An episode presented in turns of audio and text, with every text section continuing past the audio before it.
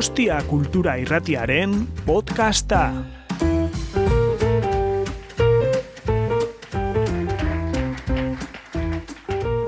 Eskerrik asko, eh, Arratsaldeon. Eh, vamos a obviar las presentaciones porque creo que nos conocemos todos, los que estamos aquí y ahí. Y si os parece, vamos a empezar mmm, contando cómo conocisteis o cuándo conocisteis a Rafa y cómo fue y desde entonces la relación que tuvisteis. Creo que el primero sería Juan Carno, si no me equivoco, los años 80. Arratsaldeon, buenas, buenas tardes a todos. Sí, bueno, yo, la verdad es que en el parvulario vivimos en la misma calle en Río de Baneguía y bueno, coincidimos un par de años allí, además coincido con dos de los que luego serían parte de UHF, con Iñaki de Lucas y José Puerto también. Entonces, bueno, ¿qué pasa? Que de aquellos años, no sé, eh, perdemos contacto. Luego vuelvo, vuelvo a retomar un poco con él el, el año 80, el año 80, ensayando en Villa Salia, también de guía, él con UHF y yo con Iguales y tú. Y bueno, la verdad es que ha sido un, un permanente guadiana la vida de Rafa y la mía, ¿no? Nos hemos estado encontrando, separando, hemos estado en giras juntos, eh, hemos compartido varios discos. Bueno, yo he participado en alguno suyo, en alguno mío y tal. Ha sido un poco intermitente. una canción en, en el disco negro de Amor a Traición, ¿no? Sí. Ángel Caído, Sí. Sánchez y tú. Sí. Y luego él participó en algún disco vuestro también. Sí, participó en La historia nos absolverá, en la canción La reina de Saba. Sí. Y luego, bueno, hemos tocado en directo, hemos hecho varias giras acústicas juntos aquí en Gijón. y sí. El siguiente será Diego, supongo, ¿no? En los años 90 o los 80. Yo creo que debió ser como a mediados de los 90. O... Yo creo que, que yo le conocí a Rafa en la época de- del segundo disco de Amor a Traición, que es el que estábamos comentando antes, que no sé, no sé, ¿tú sabes de qué año es ese disco? 97 o así sería. 96. Pues yo creo que le conocí, bueno, yo un poco antes, eh, bueno, un poco igual un par de años antes o un año antes. Pero vaya, los primeros recuerdos que tengo yo de, Rafa son de esa época, de- del estudio de, de Iñaki de Lucas, de andanzas por el barrio de Amara. Y sí, yo creo que sería de las... quizás nos, nos habíamos conocido antes, pero yo creo que es cuando empezamos a tener una, una relación, ¿no? Me acuerdo que en, el- en la gira del 94 de Duncan nos solías traer el disco negro de Amor a Traición, nos lo ponías en la furgoneta para que lo viéramos. El- Eso fue el 94, si no me equivoco. es el- o sea, el disco el primero de Amor a El Traición. negro, eso es. Sí, pues quizás le, le había conocido, ¿no? pero yo creo que cuando empezamos a establecer una relación ya fue cuando estaba haciendo el... Yo, por ejemplo, en la, en la... cuando hicieron el primer disco, yo creo que, no sé si le había conocido o no, pero no, no, no estaba... eh, no tenía mucha relación, eh, no, no, no, no sabía muy bien cómo habían hecho ese disco. Y ya con el segundo sí, ya tenía mucho más contacto. Además, en ese disco, en una canción de Mala Muerte, eh, lo produjiste de alguna forma, ¿no? El- lo sacó Bueno. en un sello que creaste. Bueno, produ- producir. Es, es- yo creo que ese disco es un disco eh, muy. un poco caótico, que se hizo como a trozos. eh, yo creo que pasó por el estudio muchísima gente, muchísimos músicos. Eh, yo creo que me uní ya cuando el proyecto ya estaba, casi todo estaba grabado y creo que estábamos, yo creo que me uní ya como en, el- en las mezclas del disco, así. Eh, Cantas una canción también en ese disco, ¿no? sí, Si no me equivoco. Sí. intento. Eh, ese disco se, se editó bajo el sello de Galerna, que también, en el que también se editó un disco de Sánchez y Jocano. Tres meses antes salió el de... Sí, bueno. La eh, historia nos absolverá, sí. Realmente no, eh, no llegó a ser ni un sello, aunque ahora he recuperado un poco el nombre. Eh, pero eh, yo es que tengo muy mala memoria, ¿eh? pero creo que con Rafa hablando me dijo que tenía eso grabado, que, que no sabía muy bien qué hacer con él, que no sé si, si- no sé si lo estaban terminando o, o que no sabía cómo terminarlo, algo así. Y entonces, eh, bueno, yo le dije que le podía echar una mano y, creo que terminamos de mezclar el disco y editamos eh, unas copias, no me acuerdo cuántas fueron, pero mm, no había ni distribución, ni, ni promoción, ni nada por el estilo, ¿no? O sea, era no sé, para vender eh, amigos y, en conciertos y poco más. ¿no? Bueno, pero encontró Rafa una forma de editar ese disco, ¿no? El trabajo que estaba hecho, de, salir, que salía a la calle. Y a mí el disco me gusta, de hecho lo volví a escuchar hace poco y, aunque es un poco eh, deslavazado quizás, ¿no? Eh, pero a mí me gusta, eh, tiene canciones buenas y, y la verdad es que tiene, yo creo que tiene magia. Muy bien. Pedro, tú le conoces ya en los 2000, supongo, 2000 Pues sí, yo, yo le conocí una noche, nos enamoramos. Eh, él me hacía ojitos sin mascarilla a lo lejos y, y, desde entonces pues no he dejado de creerle. Eh, yo creo que le conocí, si yo grabé mi primer disco para Warner en 2011, pues yo creo que fue en esa época justo antes de grabar 1971. ¿Cuándo fue? ¿El 1971? 2010. Por ahí, sobre, esa, sobre esas fechas. En, pues yo no había oído hablar de él exactamente. Yo estaba, estaba, recuerdo que estaba en la prueba de sonido de un, de un concierto que iba a dar en Bukowski y, y no se ocurrió otra cosa a Josu que, que, poner, que poner un disco de deriva de, de, de Rafa y me hundió la vida. yo de repente estaba todavía cantando en inglés y, y oí aquello y dije, ¿esto qué es? Era pues, una especie de Dylan en castellano, arrebatador y, y, era justo lo que, no sé, fue una bofetada para mí y, y dije, este tío, ¿quién es? Maldita sea, ¿de dónde ha salido? Y, y me empeñé en conocerle y un día, una noche, al poco tiempo, eh, ahí en la puerta de Bukowski, pues alguien me dijo que estaba por ahí el tal Rafael Berrio este, y dije, este, este, este, tengo... Y fui a por él, fui directamente, y le dije, Rafael, te quiero, me haces ojitos. y, y, le dije, hola, soy Pedro, tal, y, y, ese día le conocí. Y bueno, intenté mirarle a los ojos y, no, y que él viese en mí pues algo más que un admirador. Y, y yo dentro de la broma, sí es cierto que yo me enamoré antes casi de la persona que, que, del músico. Yo fui conociendo la música de Rafael a través de él. Él me iba diciendo, pues yo hice esto, yo escucha esto, mira lo que estoy haciendo, tal. Y a través, y fui a, a través de, de, de, su voz, fui escuchando su, su música y, y, mi, y mi atracción fue al principio casi de, padre e hijo. Yo, le, yo tengo, mi padre murió yo tengo una clara falta de atención paterna y, y, y, al principio de nuestra relación yo le veía como, como, un, como un amigo, como un padre y, y, como, y no como el prodigio que, que poco a poco fui, fui conociendo. Eh, Rafa tiene, eh, en comparación al, al 95% de los músicos de pop y de rock, tiene una, una carrera muy variada, ¿no? en un sentido o en otro una carrera larga de 40 años, que hay que decir por otra parte que pocos músicos consiguen estar tantos años haciendo música y editando discos y hasta el último momento eh, estuvo, editó discos. ¿no? Eh, hemos empezado a hablar antes de los discos, que, de las distintas fases que tuvo, desde el power pop de UHF, luego la, la época más dilaniana de Amor a Traición, luego pasa por el pop.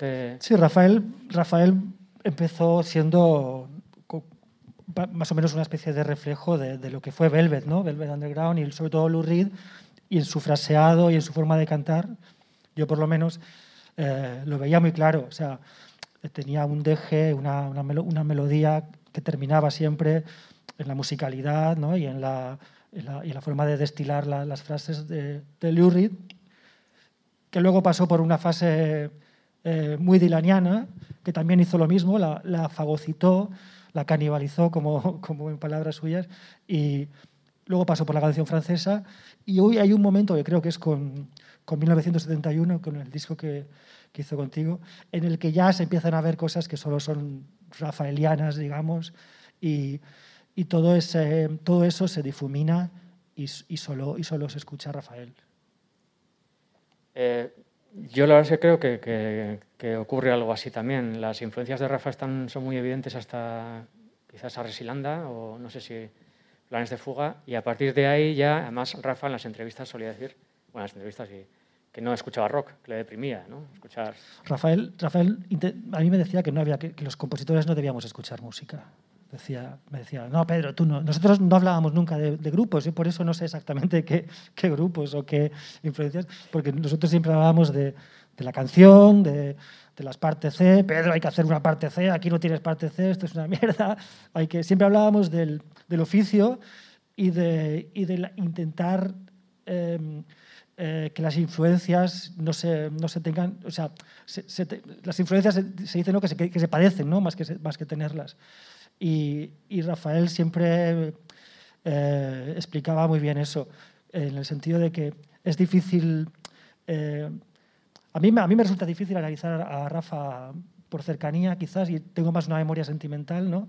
que, que una memoria que, que poder saber exactamente si ahora estaba haciendo pop, estaba haciendo rock, o para mí era más bien una especie de, ¿no? de, de de, del tiempo, ¿no? Si a veces él estaba eh, tormentoso, pues el disco que hacía era más eh, rock. Si, si, él estaba más eh, en calma chicha, el disco era más, quiero decir, siempre partiendo un poco de él. No sé si era eso lo que ibas a decir. Pero... Bueno, sí, antes eh, hablamos de si valía la pena ir disco por disco y hemos, hemos quedado que no, que podía ser un poco, un poco latoso. Valer Pero la sí pena, que podemos ir un poco por, por valer partes, la si pena os vale seguro. Y tú, Juan, ¿no? decías que, que, que, tú te quedas con el Rafa de hasta Resilanda, por ejemplo, ¿no? Eh, o ese es el Rafa que conociste más Sí. y que luego pues ya tiene menos que ver contigo, ¿no? De lo que, o bueno, o, Sí, o no quedo- te gusta tanto, digamos, como la primera parte, ¿verdad? Por las dos razones. Eh, primero porque, porque fue igual la época más intensa eh, que viví con él, ¿no? Tanto final de UHF como Amor a Traición. Y luego porque es la parte que a mí me parecía más creíblemente Rafa, no sé, el rock and roll, ¿no? Luego, quizás porque le haya, le haya ido escuchando más, más, más en pequeñas dosis y tal. Pero bueno, sí, yo, me quedo con la parte a Traición. Eh, a mí me parece que, que Rafa, de la mitad de carrera para en adelante, va creciendo, antes lo decía Diego también, en composición y como cantante, desde luego, no, no tengo ninguna duda. ¿Qué es Sí, lo sí, que te que- parece que, que pierde? eh, No, no es que pierda, o que no digo, pero que no si me tengo encuentras... que quedar, evidentemente me quedo con... Sí, quizás a partir de, de, de Arrislanda es más creador, es más, más él, ¿no? Bueno, es una carrera casi en solitario, ¿no? Pero evidentemente que, que la gran credibilidad de Rafa para mí siempre ha estado en, en las bandas de rock and roll que, que, que tuvo antes, ¿no? Yo tuve esa impresión también que, que los, los fans de Rafa, con los discos que empezamos a hacer en 71 en diarios, y de alguna forma consideraban casi, casi, no lo digo entre comillas, No. como una traición Sí, esos discos, ¿no? Porque de alguna forma se perdía... Yo no llegaba a eso, pero bueno, Sí, ¿no? yo, yo veía que en el ambiente sí que había esa, esa idea, ¿no? Pero curiosamente, ese, ese disco, el 71, decía antes también Pedro, que de alguna forma le da, le pone a Rafa en otra, en, en otro peldaño, ¿verdad? Sí, sí, evidentemente, pero yo creo que hay que verlo ya eh, de otra manera. No sé, quiero decir, no se apoya tanto en una banda, lo hace él en solitario. Es diferente un poco el criterio que, que lleva, ¿no? Bueno, es que precisamente es un poco eh, el inicio de su carrera en solitario, ¿no? Por decirlo de alguna manera. O sea, cuando empieza a firmar con su nombre es con esos discos, ¿no? Entonces, sí es verdad que se convierte más en un cantautor. Eh, ya no tiene ya no tiene grupo, eh, abandona el rock, bueno, por un tiempo. Yo creo que siempre ha estado eh, Rafa en el mundo del rock, pero, pero bueno, evidentemente le gustaban muchísimas otras cosas, desde el tango o, o Brel o, o Maritrini. Y, y yo creo que hay, hay claramente un cambio y se convierte en un, sí, en un cantautor, que luego sigue siendo cantautor cuando hace los, los discos eh, Paradoja y, Niño Futuro, que vuelve un poco al rock, ¿no? Pero siguen siendo discos, digamos, de, de, bueno, de un autor, de un autor que, que hace sus discos. Pero viendo toda su, su evolución eh, a lo largo de toda su carrera, sí es verdad que, que pegó unos saltos eh, grandísimos, ¿no? Estilísticamente. Y pasó eso del, del, rollo más eh, rock and roll, Lou Reed, Dylan del principio, al experimento también deriva, ¿no? que coqueteó con la electrónica y tal. Luego se, se enfundó el traje de, de cantautor parisino, de cafetín, que yo creo que le sienta como un guante. Y, luego volvió un poco ya al rock, siendo un, quizás un autor como más maduro, quizás, ¿no? de, rock, digamos, eh, más, más introspectivo, quizás, no sé, no sé cómo definirlo. Los, los, por ejemplo, el último disco, eh, más, más templado, más comedido, quizás. Los, eh, y luego como, como cantante es, también es, es muy curiosa y bastante sorprendente la evolución que tiene, ¿no? desde esos fraseos salvajes del principio, ¿no? con influencias eso de, de Lou Reed. la influencia de Dylan yo creo que él no la solía reconocer nunca, porque no, a Dylan yo creo que en el fondo le tenía un poco de paquete, eh, Rafa. Y además todo lo que sonara medio country, no digamos blues, bueno, lo... yo, la, noche que le conocí contigo, una, una noche en los 90, y yo le dije que no, que no me gustaba Dylan y montó en cólera. Y, pero a los años me decía que Dylan era un pelmazo. Sí, Luego le, cogió bastante paquete con el tiempo. Yo creo que a, a Lou Reed sí le tenía más, más estima. y sí ¿no? De, de, de no le, no le he oído yo nunca echar pestes y de Dylan sí que... No, pero tampoco, tampoco le gustaba halagarlo, ¿no? Pero bueno, evidentemente. Sí, no, Sus dos primeros discos son... Sí, ¿no? Y, y, los fraseos del Era un gran tienen mucho del, del, primer Dylan, tienen muchísimo. Pero es verdad que lo, que lo que quería decir es que va cambiando como, como cantante, cambia de una forma muy, muy radical, ¿no? Muy sorprendente. Con... Hasta hacer una zarzuela también. Sí. Y con Deriva empieza ya a cantar de otra forma y con los discos de 1971 y diarios yo creo que, se convierte en, en, un cantante muy diferente. Un cantante más, mucho más reposado, eh, con una... Bueno, canta en tonos más graves, bastante más graves, con una adicción perfecta.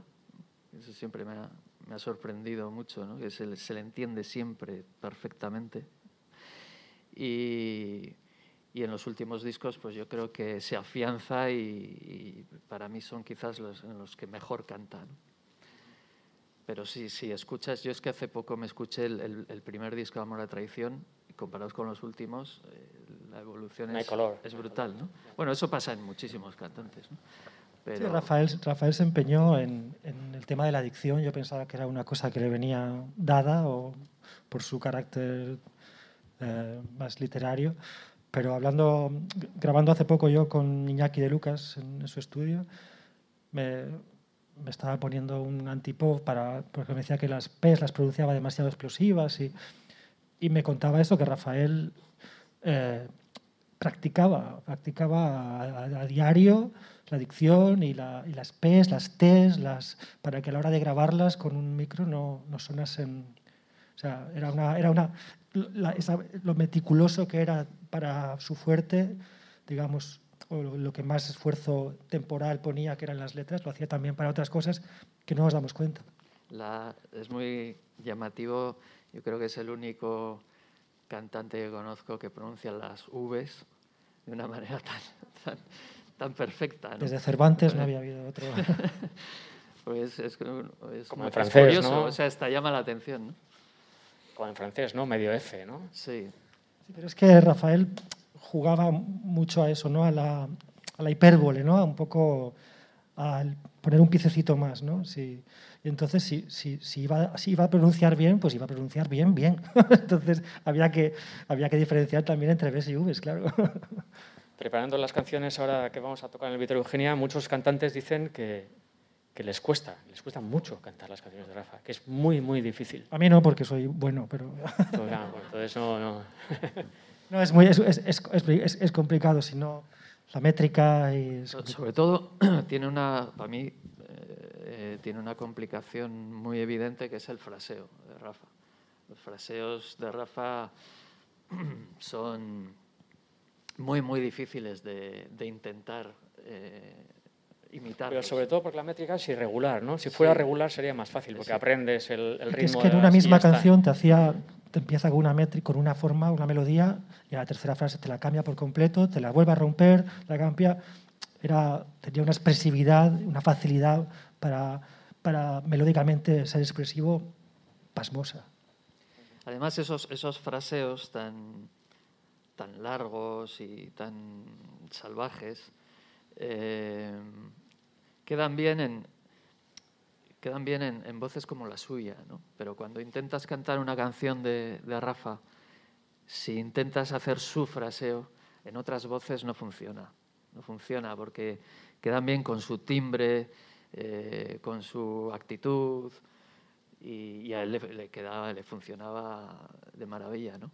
Pero cuando cantas una canción suya Sí. es- cuesta mucho, a no ser que te la lleves pues a, a tu terreno. ¿no? No te das cuenta hasta que, hasta que te pones a cantar una canción de Rafael, la, la, la expresividad. O sea, la, el, o sea, si tú intentas reproducir la misma frase, eh, tiendes, a, tiendes a cierta teatralidad que él, que él no necesitaba siquiera. O sea, cuando si intentas, muchas veces no te das cuenta de pues, cómo él de manera más plana es capaz de, de- ser muchísimo más expresivo de lo que tú harías para hacerlo. O sea, si, yo me pongo a intentar conseguir esa expresividad melódica, tendería a cierta teatralidad, a cierta impostura, pero a él, de algún modo, eh, le quedaba, le, le- le- encajaba, era... A él le salía natural. Sí. Ese es el, ese es el- Y es- y ese es muy el- difícil de el, reproducir. el único misterio, ¿no? Que le salía natural. Entonces, por eso, por eso le funciona y por eso le, le queda bien.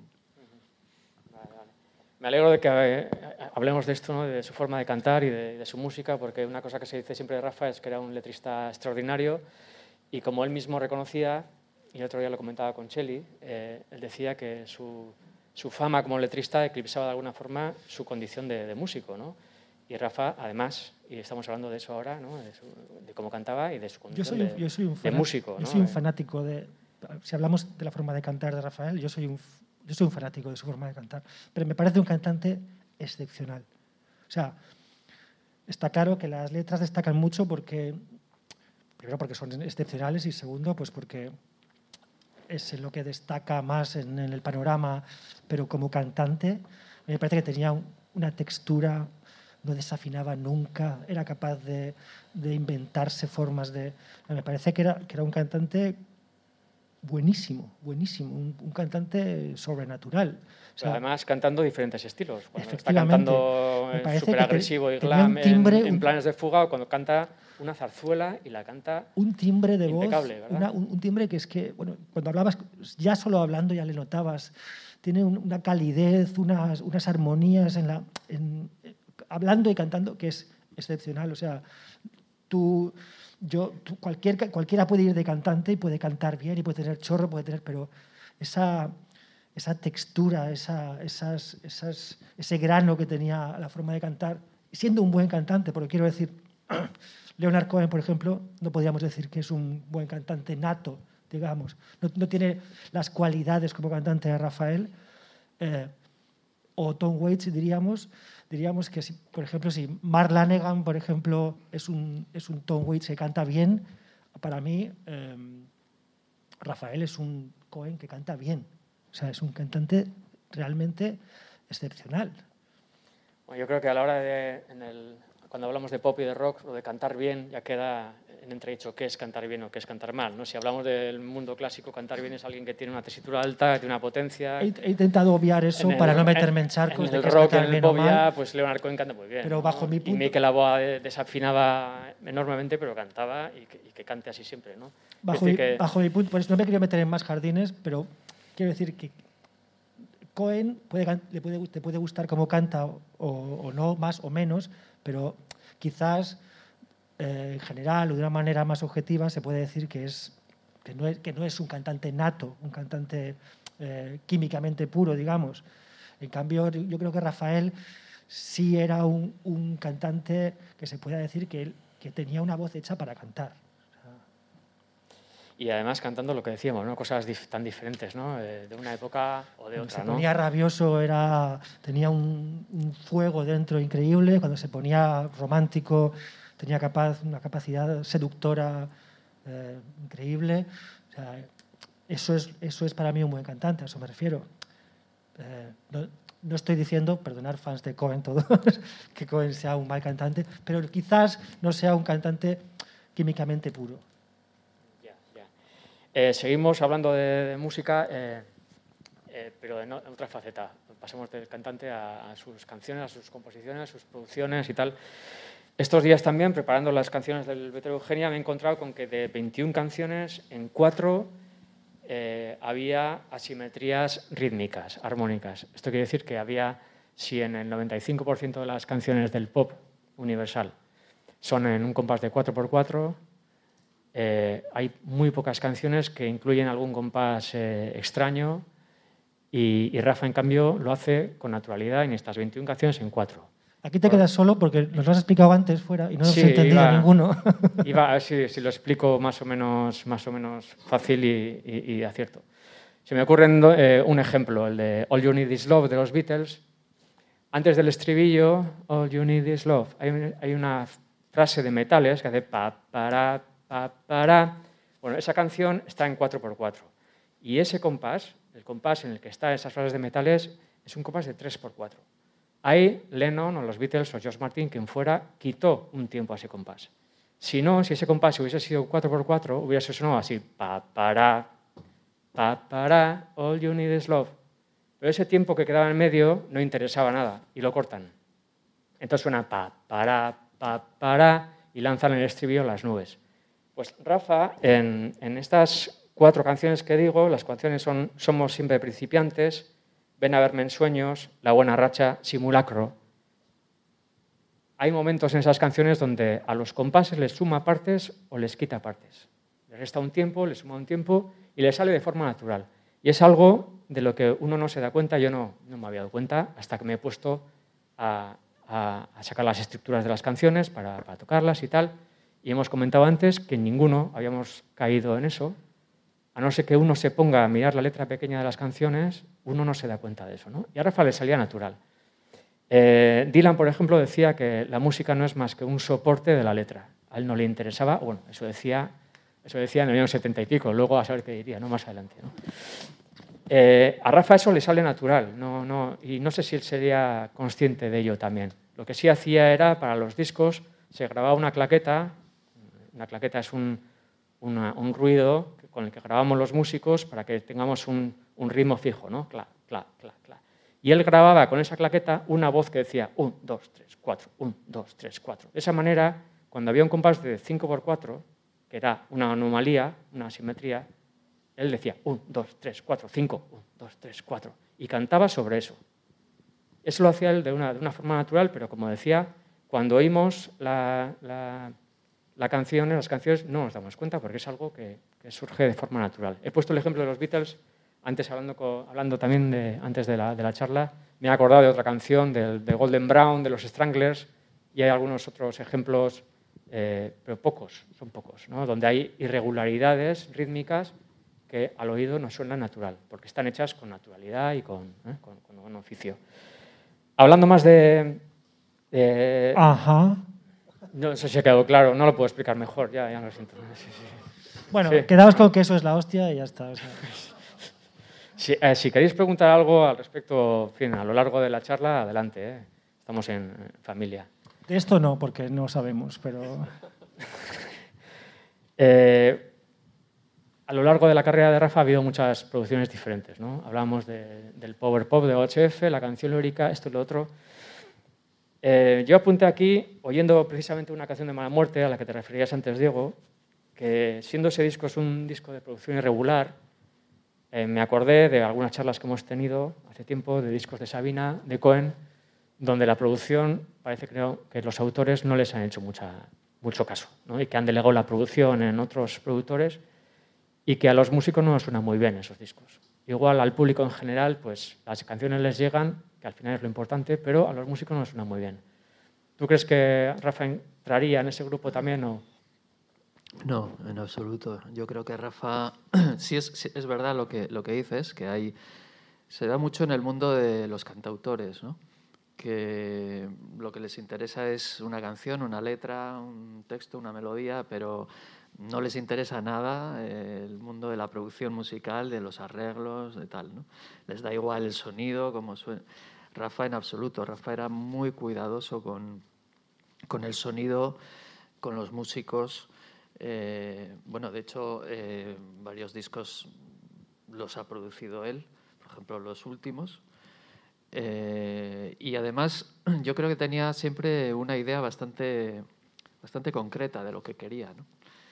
Eh, siempre tenía como conceptos, eh, son discos un tanto conceptuales y, también a nivel de sonido, no solo, no solo de letras, sino que tenía bastante claro lo que quería, si quería un disco rabioso o quería un disco eh, pues, eh, de cantautor eh, de los 60 francés o, como el último, ¿no? que es un disco como reposado, medios tiempos, con, con, una instrumentación muy precisa. Yo creo que Rafa lo tenía mm, muy pensado. Otra cosa es que luego, como todos sabemos, que luego vas al estudio y, bueno, y de lo que piensas a lo que al resultado final pueden pasar mil cosas, ¿no? Pero desde luego no era, no era un músico que, que no diera importancia a, la producción y a los arreglos. Los arreglos, por ejemplo, exactamente igual. Los tenía, eh, le daba mucha importancia, de hecho. O sea, no, no, no, no, no soslayaba para nada esa, esa parte. Hay una... Mm, en las sesiones de Resilanda, por ejemplo, Rafa grabó dos canciones más que quedaron fuera, que al final de a la hora de editar el disco las descartó. Y en 1971 también. Después de grabar y mezclar y terminar Santos Mártires Yonkis y La Desgana, en última instancia las descartó y las trajo otra vez al disco de diarios. En diarios a Santos Mártires Yonkis solo les cambió un par de puntos de metrónomo, o sea, hizo un cambio muy, muy leve de velocidad, que casi no, nos damos cuenta. Y en cambio para La Desgana trajo otra canción, otra canción que no, tenía nada que ver con la que habíamos grabado en 1971, una versión mucho más dramática y mucho más la que está en diarios. Vamos a escuchar ahora la que grabamos en 1971.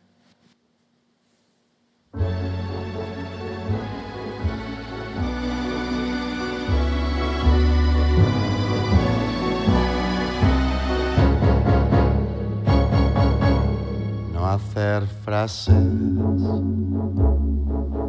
no hablar, no formular, sino lo estricto que viene a ser en su manada. Creo en la virtud de la desgana, no forjar sueños, no leer sino quemar 500 libros, si bien quedó junto a la almohada. Creo en la virtud de la desgana, no buscar formas de novedad, muy al contrario, huir de la faz acostumbrada,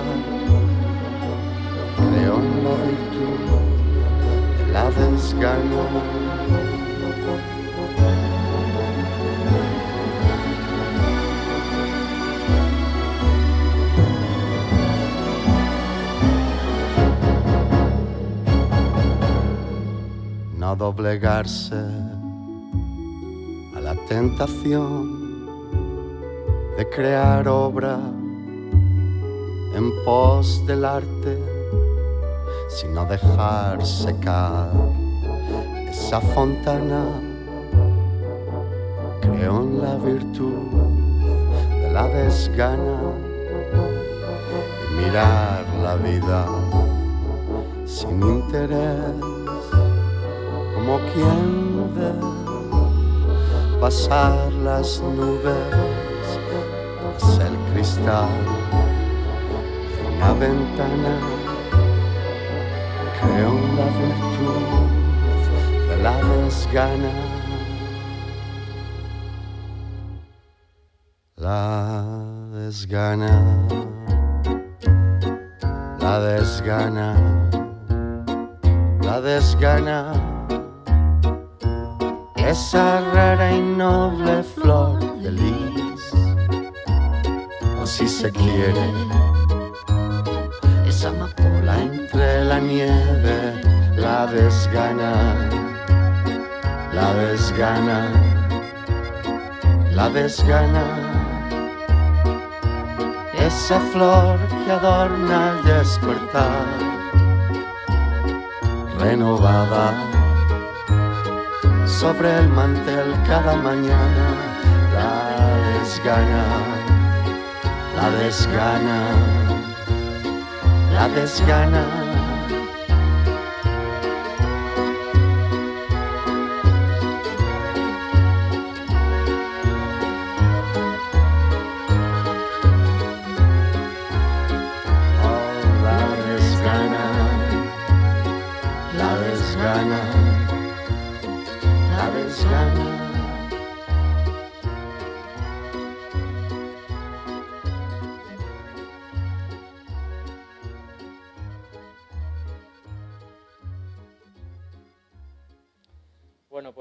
Esta quedó grabada y, y en última instancia, pues como decía, Rafa la, la descartó y esta y Santos Martínez Yonkis y quedaron para, para el siguiente disco y esta en concreto con otra, otra melodía, otro arreglo. Es y que es otra canción.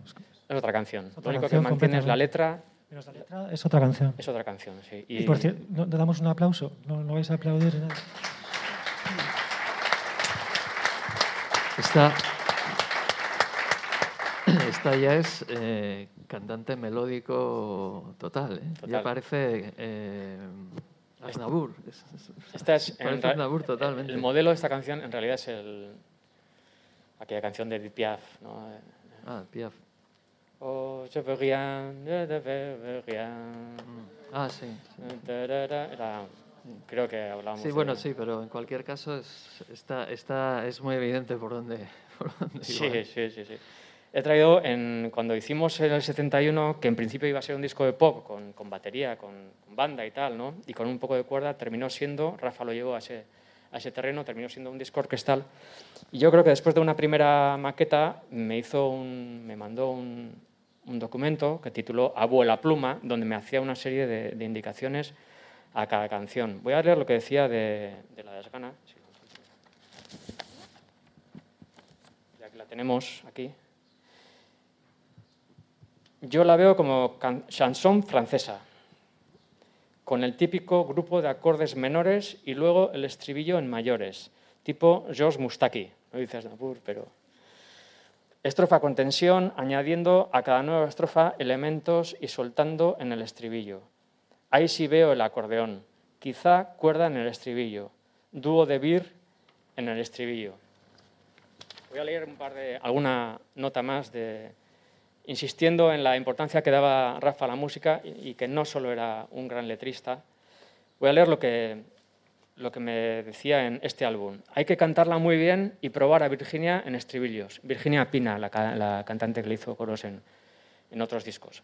Habría que crear, una vez más, mucha tensión en las estrofas y cierto clímax ambicioso para los estribillos que se, que se anticiparán subiendo al borde máximo, al borde mismo.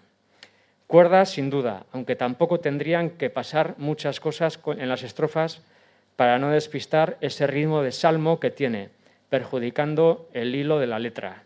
Lo del salmo y la salmodia era una cosa que repetía a menudo y que ocurre, es una de las características de las eh, canciones de Rafa, que terminan siempre repitiendo muchas veces eh, el estribillo o la frase, el título. Yo le animaba a que cortara un poco por ahí, pero él decía que no, que eso era, sí, que era... La coda, la coda famosa de Rafael. Eh, sí, bueno, que es, y además lo hace desde el principio, desde la- su época más rockera hasta el final, ¿no? Re- repetir mucho, mucho el, eh, una, a modo de salmodia, como dicen. Para, para Rafa las canciones Otro tenían, elemento lurriniano, vaya. También hacía eso, ¿sí? para Rafa las canciones tenían parte A, parte B, C y luego la coda. la coda es el tío vivo del final de ahora y, y era muy importante para él. Sí, sí, mira, y ahora que dices lo de la parte C, Y esas notas son una maravilla, ¿no? eh, sí, y lo que dices de la parte C, eh, otra canción que... La parte C tampoco es una cosa muy habitual en las canciones de pop y que... Sí, bueno, no lo, sí, pero él la tenía muy en cuenta. Digamos, el, puente, digamos. Por digo parte C, puente. eh, Rafael era, era esencial. Por lo menos Sí, a él le- le a mí me dio la tabarra con eso mucho. Sí, y de hecho en la desgana, en la versión de diarios, le añade una parte C Cierto. que no estaba en, en este, ¿no? Y, por ejemplo, en Mis Amigos hay una parte en medio, si le llamamos parte C, donde cambia el tiempo, cambia el compás, cambia la armonía, modula y se va. Y es casi una canción dentro de una canción, ¿no? La parte que dice quiero deciros. Las mejores esto, ¿no? partes C son las que son otra canción. o- Sí. O, que es tan buena o mejor que el resto. Sí, Lo que pasa es que a Rafael se le daba muy bien. Yo mu- muchas veces, por pereza o por, o por cierto. em, em, por, por cierta. eh, sentirte que, que- que no vas a hacerla tan bien como de parte C, entonces la, la obvias, pero Rafael, si le enseñabas una canción sin parte C, rápido te decía, no, no, aquí Pedro eh, falta algo. Y, y las codas, también las salidas, de, las salidas de la canción, también era algo que, que practicaba mucho. Sí, es una forma de, en la construcción de la canción de cerrar bien la canción, ¿no? hacerle una La- coda, hacerle un la- final. La estructura de la canción para Rafael era muy importante. Ujú. En su cabeza, al menos. En eh, mis amigos se refiere a esa parte de C y, y se refiere y dice eso. ¿no? El punto crucial está en el retardando que desemboca en cambio, entre comillas. Tras la repetición constante de estrofas, el cambio tiene que salir rodando. Yo hice de mala manera en la maqueta porque tuve que quitar la claqueta abruptamente en ese punto, etc. Luego hay que retomar de nuevo la estrofa y acelerar vertiginosamente a la manera de Brel hacia el fade out. No sabría decir qué es lo que pide instrumentalmente, doctores tienen la iglesia. Yo, yo quiero una copia de esas notas. Quiero- esto es un, necesito ya. es un incunable esto. Eh, ya que estábamos con la desgana y hablando un poco de la letra y lo que quiere decir la desgana, ¿no? En, en la letra habla de, de por qué, para qué crear, ¿no? ¿Para qué? Si ahí hay arte, para que hay hacer más arte y para qué rompernos la cabeza haciendo una canción más o haciendo lo que sea más, ¿no? Paradójicamente, hasta el final de sus días, hasta el último momento, como nos decía Jonas Trueba en, la- en el Tabacalera, ¿no? en la presentación del libro, hasta el último momento estuvo hablando por teléfono y corrigiendo la Sí. puntuación de absolución Sí. del libro. ¿no? Y hasta Sí. el último momento estuvo trabajando en el último EP. Rafael era mu- muy meticuloso, era un trabajador eh, increíble con sus canciones, les daba mil vueltas, les podían durar años, las seguía dando vueltas. Nunca llegaba a la perfección que él, a, a- a sub- sublimarlas de la manera que él deseaba. Pero por otro lado tenía también esa, esa pulsión, digamos, literaria de Rimbaud, ¿no? de, de dar la callada por respuesta, ¿no? de decir hasta aquí se acabó, esto no vale más, desaparezco y salir del foco. Y, y por otro lado, pues luchaba con, supongo, como hacemos los demás, con querer estar también dentro del foco, ¿no? con, con esa... Sí, porque por ejemplo vosotros cuando acabáis las canciones las acabáis, Juancar. Y volvéis a ellas o Sí, además cuanto antes la acabe mejor, sí, sí. quitártela de la cabeza, ¿verdad? Sí, sí, sí, directamente. Como, como dicen muchos... Es bueno, que está la otra ya, o sea, sí. Claro, es una forma de limpiar y pasar a otra Sí. cara. Y Hombre, siempre muchos, vas a tener un segundo momento de una segunda lectura, o unas correcciones, tal, pero evidentemente la acabas, sí, sí.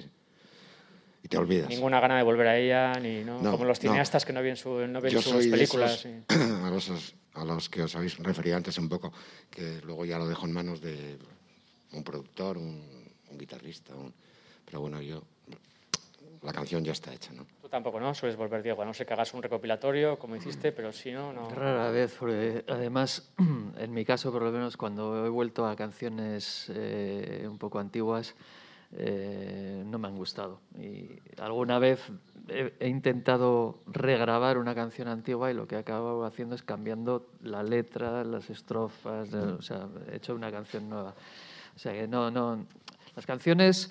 eh, es difícil que aguanten el paso del tiempo, sobre todo para, para, el, para el autor.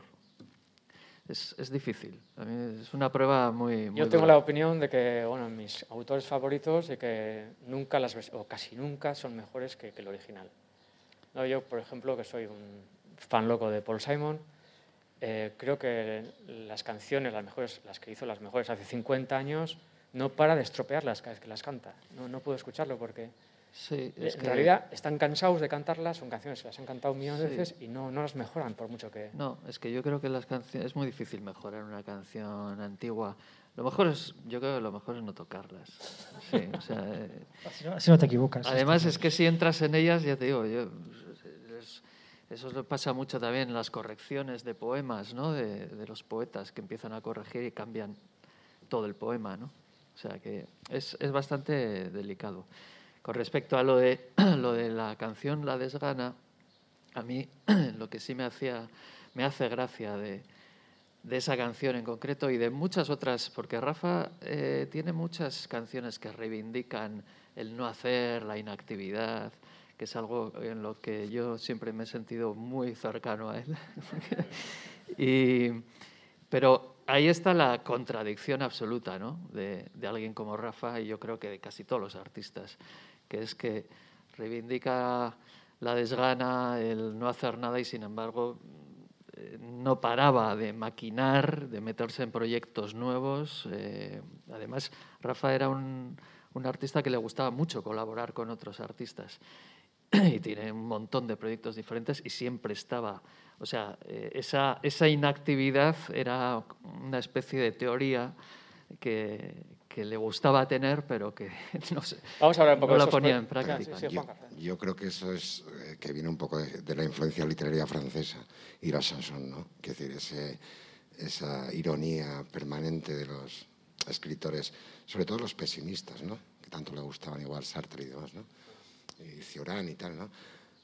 Eh, esa ironía, esa ironía. Cioran eres que- otro gran eh, contradictorio. eh, Por eso siempre. digo que era, eh, era buscar la ironía para, para mostrar lo contrario. Un poco provocación también. Había un cierto grado de provocación en lo que decía. Sí, también, sí.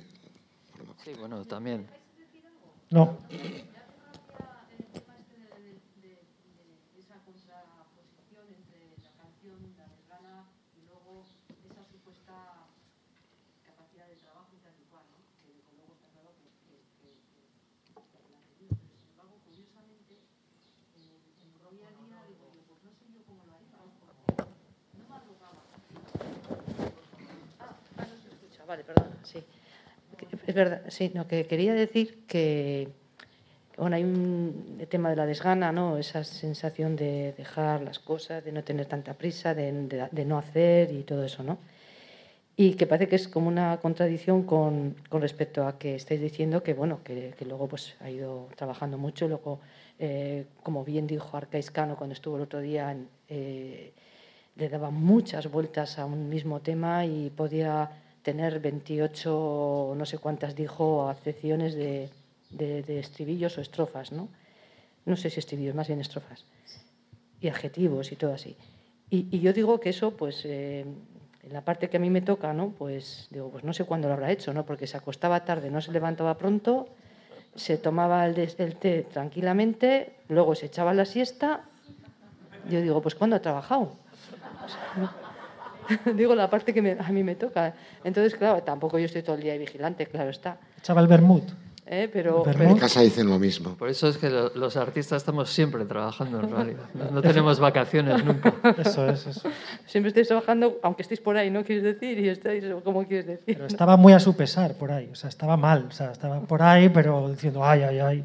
No, no, De eso todas, for- nada. de todas formas, yo creo que, es que la, la creación de canciones y, y- y la escritura, de, sobre todo de, quizás de poemas y tal, yo creo que requieren mucho tiempo de, Análisis, reflexión, ¿no? de ensimismamiento y muy poco tiempo de realización, ¿no? Realmente. Cosa que ya deberías saber, Necesitamos mucho tiempo de ensimismamiento y, de- Muchos paseos y con el mucho perro, tiempo ¿no? para perder para que luego en media hora puedas escribir la Claro, canción. claro, claro. Igual sí. crees que estaba durmiendo, pero estaba soñando. Sí, sí, es verdad que también los momentos esos de pausa también estaba... Y, No, de, ya en y de paseo también. ¿no? Ya en serio, yo creo que, que es verdad que necesitas, yo por lo menos eh, necesito no hacer nada muchas veces para, para, para, para luego hacer, no lo sé. Es un poco, y como luego pues tampoco tienes ni vacaciones, ni tienes nada, ni al final pues trabajas como trabajas, al final es que nuestro trabajo es un poco así. Está, pasar de, del, del reflexión sería un poco pedante, bueno, del, del tocarte los... y, hay momentos en los que uno necesita, ¿no? Eh, sé que esto no se entiende, mi madre tampoco lo entiende, no te preocupes, Gemma. Donde Con respecto a eso, yo esta mañana he pensado en la virtud de la desgana, ¿no? Me he quedado en esa frase y, y creo que es muy difícil estar en la desgana. Es decir, no, no creo que sea tanto un no querer hacer nada, sino mantenerte en lo que estás haciendo sin prisa o sin querer ese objetivo, saber eh, administrarlo, en fin, no sé, creo que la palabra, la virtud de la desgana es mucho más amplio. ¿eh? Sí, qui- quizás, quizás vaya más por ahí, es cierto. Creo que se refiere más a no mirar la vida, mirar la vida con, no con tanta pasión, sino mirar la vida desde un, desde un punto de vista un poquito retirado para poder, para poder de algún modo alejarte de la tormenta, ¿no? Para poder, para poder hablar de ella. No es fácil eh, eh, pararte y dejar de hacer, que, que- que no quiere decir que no estés haciendo. Entonces, no creo que eh, la palabra desgana quiere decir que no hagas. ¿eh? Puede ser, puede ser. Cambiamos de sitio. Exactamente, él lo ve como... En, en 40 años de trayectoria son, creo que son 10 discos, ¿no? Cheli, tú hiciste 10 discos, no son, no son muchos, pero además Rafa tenía otros proyectos, ¿no? Hablando de la desgana y lo de trabajar más o trabajar menos. Uno de ellos era el, el repertorio B, que era lo que él decía que le interesaba, que era hacer canciones para otros, que eso le diera pasta y así él podía seguir haciendo. ¿no? Eh, hizo alguna letra para Sole Jiménez, que yo sepa, eh, y alguna más por ahí que yo la verdad es que no sé. Eh, y nu- nunca terminó de funcionar ese repertorio B. Y sé que también que estuvisteis preparando un disco con Ángela Molina, ¿no, Diego? O que estuvisteis, eh, en fin, que empezó... A mí, a- eh, me- me- eso me lo dijo Rafa, eh, que había una. De hecho, me pidió una canción que no sé si al final se la di, se la hice o no. no, no, la verdad es que no me acuerdo. Eh, pero eso se quedó totalmente quedó ahí, ¿no? en el aire, ¿no? Pero eh, a mí me lo dijo como algo muy seguro, ¿no? Que algo que se iba a hacer y tal. Sí, a mí Ángela también me, bueno. me comentó que, que estaban en ello. Las Y, grandes estrellas del cine ya se sabe cómo son. que- Ajá. y el otro día, eh, no sé si fuiste tú, Gemma, que me dijo que también estaba pensando en hacer un homenaje a Cecilia. Lo de, Cecilia eh, re- realmente se llegó a hacer en, Bilbao con, con Jerry, Jerry Corral, Javi Corral, que estuvo el otro día aquí y me lo recordó porque yo sé que estaba, eso era lo, siguiente que iban a hacer, pues cada uno tenía que elegir a, pues, a un artista ¿no? de, de- de esos mm, años, de los años 60, que le gustara, ¿no? Y bueno, pues eh, Rafa anduvo entre Cecilia, Maritrini y tal, y se iba a decantar por Cecilia, pero bueno, pues... eh, empezó, bueno, estábamos con el tema de la enfermedad y bueno, todo eso tuvo que, que- que- dejarse, ¿no? Pero sí se ha llegado a hacer en Bilbao. Un, un concierto, sí, de varios artistas que, que hicieron cada uno pues dos, dos o tres temas de, de, de un, pues, de, de estos artistas anteriores, de los años 60, ¿no? Maritrini, Cecilia, no sé, hubo más, ¿eh? no me acuerdo ahora, pero varios. sí. Bueno, no sé si... Ah, quería preguntaros por las versiones que vais a hacer. Tú has tocado ya Havok, has hecho tus conciertos. ¿Qué canciones has tocado y por qué elegiste esas canciones? Bueno, yo con. eh, yo tenía una relación muy especial con una canción que se llamaba Amanece, de Rafael, y que canté con él en algún concierto. Y quería haberla hecho, pero. Pero la verdad es que todavía me sigo emocionando bastante cuando pasan estas cosas y no quería convertirme en la pantoja cantándola. Y entonces decidí hacer otras canciones que siempre me habían gustado. Y no sé, por algún motivo yo nunca había, no sé, yo nu- nunca había intentado tocar canciones de Rafael. Yo pensaba que tocaba acordes sagrados y divinos y que, que no estaban al alcance de los demás. Y nunca, nunca me había acercado mucho a sus canciones y ahora pues hicimos, bueno, hice, hice mis ayeres muertos, le di un toque así como folk y, y creo que quedaba bonita. Lo, lo pasé fatal, o sea, llevo 10 años sin parar de hacer conciertos y el otro día en Bucos no podía ni tenerme en pie. O sea, los nervios por, por, por estar con amigos y, en fin. Luego hice también como, como Cortés, que es una canción que me gusta mucho porque también me recuerda a los primeros momentos cuando yo pasé del inglés al castellano y, y le enseñaba canciones en castellano a Rafa y él estaba también con esas canciones, que tiene un, un verso que, que, me encanta, que habla muy bien de... A mí, a mí me gusta mucho porque él está rimando como Cortés, quemando naves, los rima luego con llaves, luego lo rima con sabes, pero hay un momento en el que dice, quizás eh, eh, ganes A y pierdas B. Y de repente se inventa una forma de rimar A, B, sabes, con A y B, de la nada, que me parece prodigioso. Y, y luego hice um, Tu nombre, que es una canción que me parece muy dramática y me parece que yo tengo una vena así un poco, como he dicho, pantojil y yo creo que me venía bien. Y, y luego hice Santos Mártires Yonkis, que también es una canción que, que, la viví un poco con él cuando la iba a sacar y que me parece... Y bueno, eso, eso es lo que hice, si esa es tu pregunta, José Ramón. Vale. Diego, ¿tú cuáles vas a cantar? Pues yo eh, haré, bueno, había preparado eh, cómo iba yo a saber, que, que me costó un huevo sacarla, por, por, lo que comentaba antes, porque los fraseos de Rafa son dificilísimos de reproducir, pero bueno, intenté llevarla a un terreno más, pues sí, también un poco más folk y, y bueno, y, los, y los fraseos también llevarlos a, a, a, mi, a mi terreno. Y pensaba hacer esa, pero ya te comenté que empecé a salsear con, con No pienso bajar más al centro y al final saqué, cambiando el patrón rítmico y tal, eh, bueno, pues saqué una versión que, que creo que me gusta y, y haré esas dos. Vale. Juan Carlos. Pues, yo voy a hacer la canción que hicimos en el disco, en el primero de Amor o Traición, Un, un ángel caído, Santi Segocano. Bueno, es una canción que además la habíamos tocado en directo con Amor o Traición una vez. Bueno, una canción del perdedor, está muy bien, está muy bien, tiene unas rimas muy divertidas. Es una versión, ahora que la he escuchado con detenimiento, muy estoniana, ¿no? Sí, es como una isla en la sí. discografía de Rafa, ¿no? Eh, sí, tiene un punto estoniano, sí, sí. Se me hace Pero extraño bueno. oírle a él en ese registro. Sí, A vosotros no tanto, os veo más en, encajados ahí, pero sí, a él pero bueno, se la llevaba muy, muy a su terreno al final, ¿no? Pero bueno. Eh, ¿Eso que es del, del estribillo. primer disco? del primero, sí. Bueno, es que el primer disco tiene un punto estoniano. Es que a Rafa no, bastante. no Esa sé si le gustaban los Stones ¿no? mucho, ¿no? Porque el blues era una cosa que no el- podía. El blues, en principio lo aborrecía, pero bueno, como todo lo- a veces había que coger las cosas un poco con pinzas Claro, de claro. las- sus A mí cuando, declaraciones. cuando porque- empezamos el 71 me dijo dos cosas. Primero, ni una nota de blues, ni una nota de blues y ni una acústica. Prohibido. Ninguna de las dos cosas.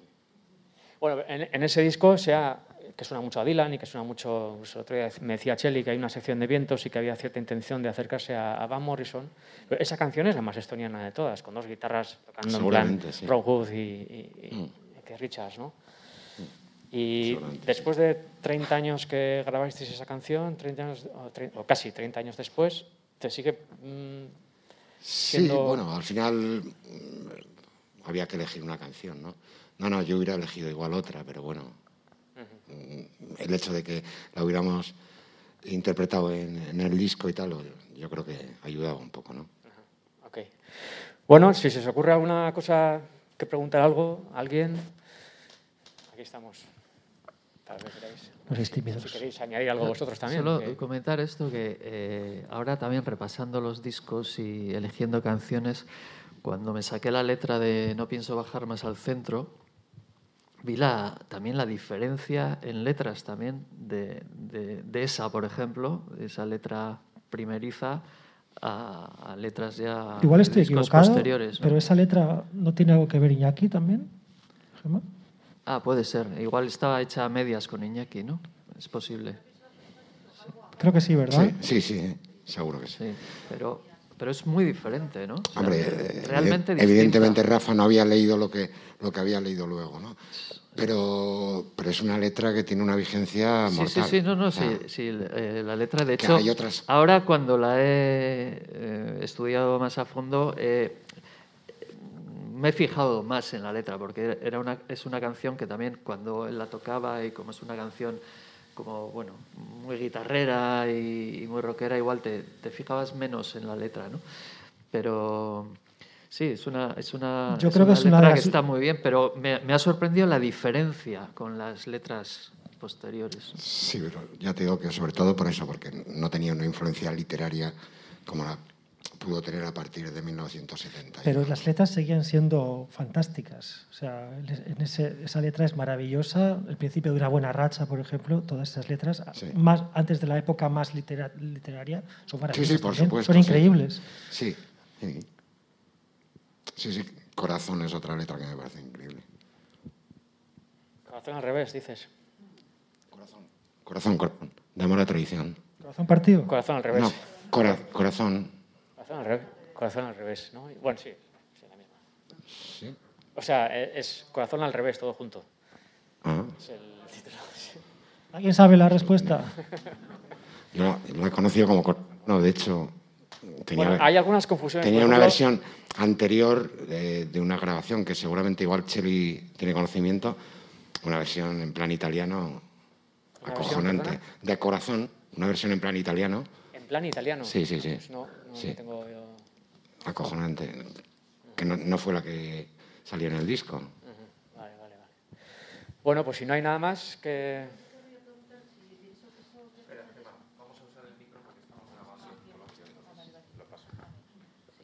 No, que quería preguntarte si, si también has comentado antes que, que fue la desgana la que hicisteis para 1971 y también eh, fue la de Santos Mártires y Yonkis.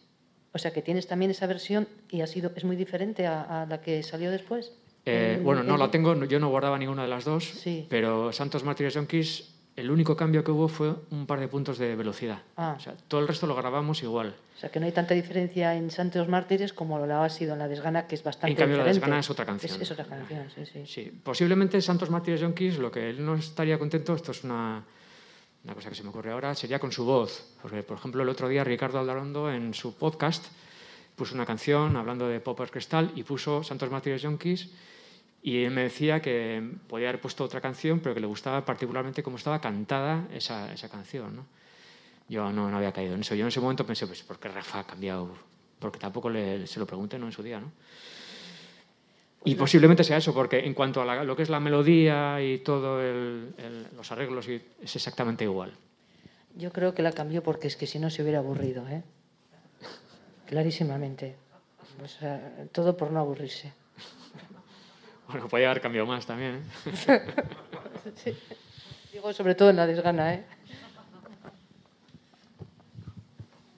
Bueno, pues eh, para terminar entonces y siguiendo abundando en, en la, en la búsqueda de la melodía perfecta y de- del arreglo perfecto y de la música, además de la letra, estar, además de estar hasta el último momento buscando el adjetivo adecuado o la, la letra adecuada, ¿no? Me acuerdo de una, una frase que quitó en simulacro en el último momento que decía y estoy cansado de estar todos los días practicando escalas de piano. Eso decía, ¿no? En la canción. Lo cambió en el estudio. ¿no? Pues además de esas dos canciones de 1971, en Arresilandia, como decíamos, eh, dejó dos canciones después de mezclar, que las apartó. Una la grabó, eh, una se convirtió en. ¿Cómo era la, la película de Trueba? La, la canción. Sí, la canción era la. Arcadia, Arcadia en Flor. La Arcadia en Flor, eso es. Y la otra es El animal que ha sido, que la volvió a grabar en paradoja, a voz y guitarra, pero que en, Arresi- en Arresilanda tenía una versión glam y super rockera y vamos a terminar escuchándola.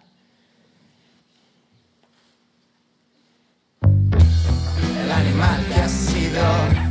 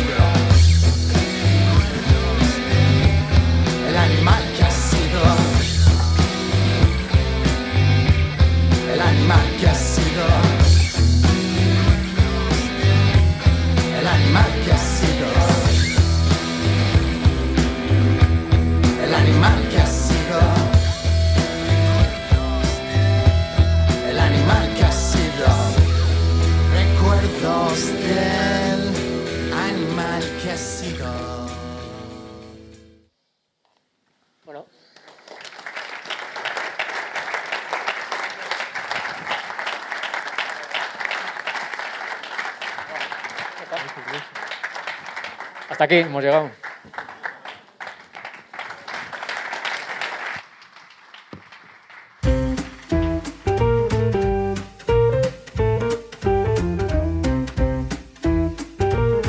Donostia Kultura Irratiaren podcasta.